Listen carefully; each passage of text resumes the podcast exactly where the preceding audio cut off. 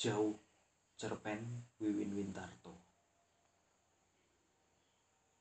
Pintu kamarku tutup sambil membuka kemeja putih lengan panjang yang basah dan terasa lengket di badan.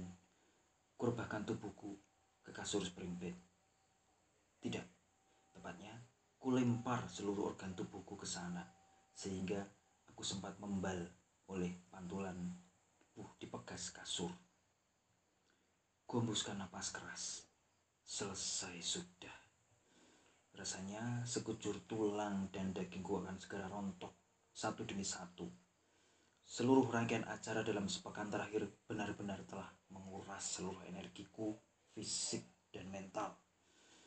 Sejak dari memastikan gedung, catering, dan acara hiburan saat resepsi, hingga rentetan upacara ritual yang menjemukan. Siraman, pecah kendi, jualan dawet, memasang bel KTP, midodareni, dan akhirnya ijab kabul. Melelahkan. Beberapa hari belakangan ini aku jadi berpikir, manusia memang aneh. Hanya mau berkembang biak saja, prosesnya sedemikian ribet.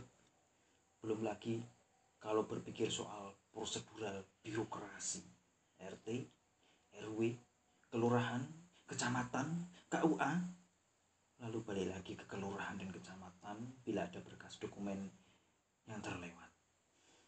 Adeh, untung sekarang semua sudah selesai dan kini Rani dan aku sudah resmi menjadi pasangan suami istri. Sedikit kuangkat leher agar dapat melihat ada di mana istriku. Ah, itu dia.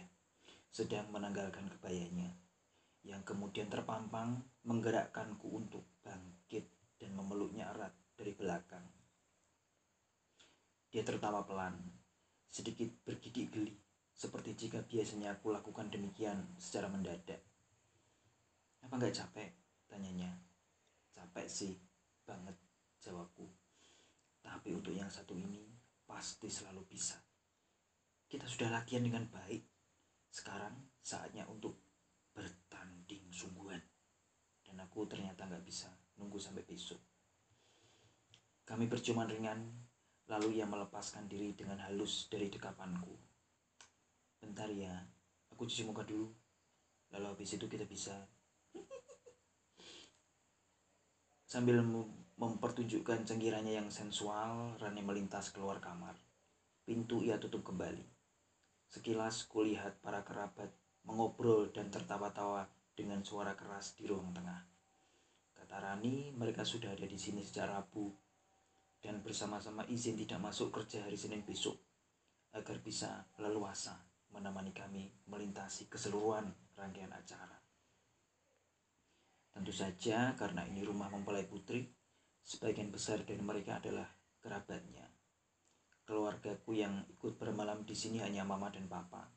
Tapi selesai resepsi petang tadi, mereka kabur di bawah adikku Verti untuk ikut menginap bersamanya di hotel di pusat kota. Sekarang aku praktis sendirian di sini, hanya berteman suara riuh rendah obrolan dan kegiatan orang-orang di luar. Namun kurasa tak ada kegaduhan seheboh apa pun yang bisa mencegahku dari bertanding secara resmi dengan istriku sebentar lagi. Lalu kulepas kaos dalamku sehingga aku hanya tinggal bercelana kolor. Kurebahkan kembali badan yang gerah di kasur, tepat di bawah posisi AC. Sesaat kubiarkan angin deras bersuhu 18 derajat Celcius mendinginkan tubuhku. Mata terpejam bukan untuk tidur, melainkan mengheningkan diri dan memutar ulang kembali semuanya. Rani, Rani Naminda Aesterinia yang luar biasa memukau. Kadang hingga titik momen sekarang ini, sejauh ini, aku masih belum bisa percaya bahwa aku bisa memilikinya. Sungguh-sungguh memilikinya. Bukan hanya sebagai kekasih, yang bikin iri kawan-kawanku, melainkan istri, ibu dari anak-anakku kelak. Sebab kami memang sangat berbeda. Dia dari keluarga kalangan atas. Ayahnya punya perusahaan ekspor impor berskala internasional. Sedang papaku hanya pegawai staf HRD di perusahaan swasta biasa. Dia cantik sekali dengan tulang pipi yang bagus dan kulit bersih bak pualam, sedang aku hanya pria biasa dengan tampang standar dan kecerdasan yang tak terlalu signifikan. Dia kelak bisa saja mewarisi perusahaan ayahnya sebagai CEO. Sedang aku, sementara ini, hanya berkarir sebagai tenaga IT di biru event organizer milik Dendi, sobatku semasa kuliah dulu. Kalau satu saat nanti aku bisa menduduki posisi sebagai salah satu anggota dewan direksi, rumput bergoyang juga tahu itu hanya semata berkat kedudukanku sebagai suami Rani. Saat kali pertama berkenalan lewat Facebook, dia ada di lingkaran pertemanan Verti dan aku langsung naksir wajahnya di foto profil. Kemajuan hingga level sekarang ini sama sekali tak ada dalam visi dan misiku. Dia terasa begitu jauh dan tak terjangkau buatku. Jangankan memimpikan bisa menjadi suami atau pacar. Sekadar untuk kopdaran saja, aku tak berani memikirkan. Namun ternyata takdir berkehendak lain dalam arti yang sangat positif. Katanya kata-kataku yang wise selalu bisa membuatnya tenang. Lalu melalui beberapa rangkaian peristiwa yang sering kali susah ku ingat detailnya, tahu-tahu kami sudah bersama. Dia mencintaiku dengan dahsyat. Itu kata-katanya sewaktu mendorongku untuk memberanikan diri melamarnya. Cinta tak kenal beda, apalagi hanya sesepele beda status sosial ekonomi. Dan tujuh bulan sesudah Rani menerima penimbaanku yang sangat hukum, di sinilah aku berada. Di kediaman keluarganya yang adalah sebuah istana. Hanya terpisah sekian menit dari aktivitas yang paling dirindukan para pengantin baru, membuat bayi. Aku buka mata dan bangkit saat pintu kamar membuka, Rani masuk. Entah kenapa, sesuatu dalam sorot mata dan caranya tersenyum membuatnya tampak jauh. Kamu akan pergi, Mas Damar. Katanya sambil duduk di sampingku, tapi mengambil jarak beberapa sentimeter. Maafkan aku. Sungguh, ini juga tak menyenangkan buatku. Pergi, alisku berkerenyit. Ke mana? Aku juga nggak tahu. Rani menggeleng. Belum pernah ke sana. Aku lekat memandangnya. Ia hindari mataku. Wajahnya kian terlihat asing. Maksudmu apa sih, eh?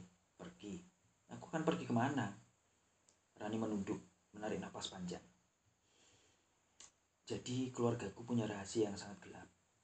Kekayaan kami datang bukan dari sumber yang normal dan logis, tapi dari tempat lain yang gak terjangkau akal sehat.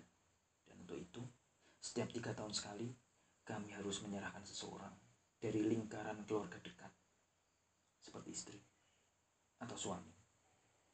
Tengkukku terasa seperti dirambati sesuatu yang gatal dan dingin. E -e apa maksudnya itu? Candaanmu gak lucu tau.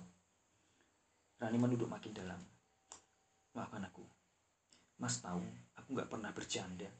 Dan kalaupun akan guyon, masa dengan topik seperti ini Sontak aku bangkit berdiri, mundur menjauh darinya. Jadi, kamu, kita, hmm, ini semua, cuman, cuman, Rani mengangguk. Ya, aku dan ini bergantian, begitu seterusnya. Nindi itu adiknya, tiga tahun lebih muda. Sekarang sedang persiapan skripsi dan sudah punya kekasih yang serius akan segera menikahinya dalam waktu dekat. Mungkin tahun depan, tepat sesudah wisuda sarjana nanti. Landas seperti miring. Berpegangan pada sisi meja di samping pembaringan. Tidak, jangan. Itu dosa besar, Aib. Tidak terampuni. Rani mendesak pelan. Aku tahu itu, tapi nggak ada pilihan lain. Aku rela menanggung dosanya, termasuk punya Mas juga. Ku bantu melepaskan beban itu dari pundakmu. Mas akan melangkah ke sana dengan kaki ringan, karena semua berpindah padaku, jadi bebanku. Aku rela kok, kami rela untuk pilihan ini. Silakan mas, waktunya sudah tiba. Aku menoleh kaget. Entah sejak kapan, seorang pria muda berwajah pucat berdiri lima langkah dariku. Ia mengenakan baju panjang serba hitam. Rambutnya digelung di bagian atas kepala. Mirip tokoh-tokoh dari cerita silat zaman Majapahit. Ia mengeluarkan tangan ke arahku. Tiga kakak laki-lakiku dibawa pergi olehnya saat masih kecil. Sekarang tinggal aku dan Nindi. Tapi kami nggak perlu pergi. Hanya harus menikah setiap rentang waktu tertentu. Pria aneh itu menarikku. Aku mengibaskan tangan dan beruntak. Aku berteriak, tapi tak ada suara yang keluar. Lalu, tak terlalu jelas apa yang berikutnya terjadi. Aku hanya merasa tubuhku seperti disedot dan ditarik paksa. Dan kulihat bayangan Rani menjauh. Masih tetap dengan kepala tertunduk. Semesta meluruh. Rani kian menjauh. Dan ku sadari sesuatu. Dia memang jauh. Tak terjangkau.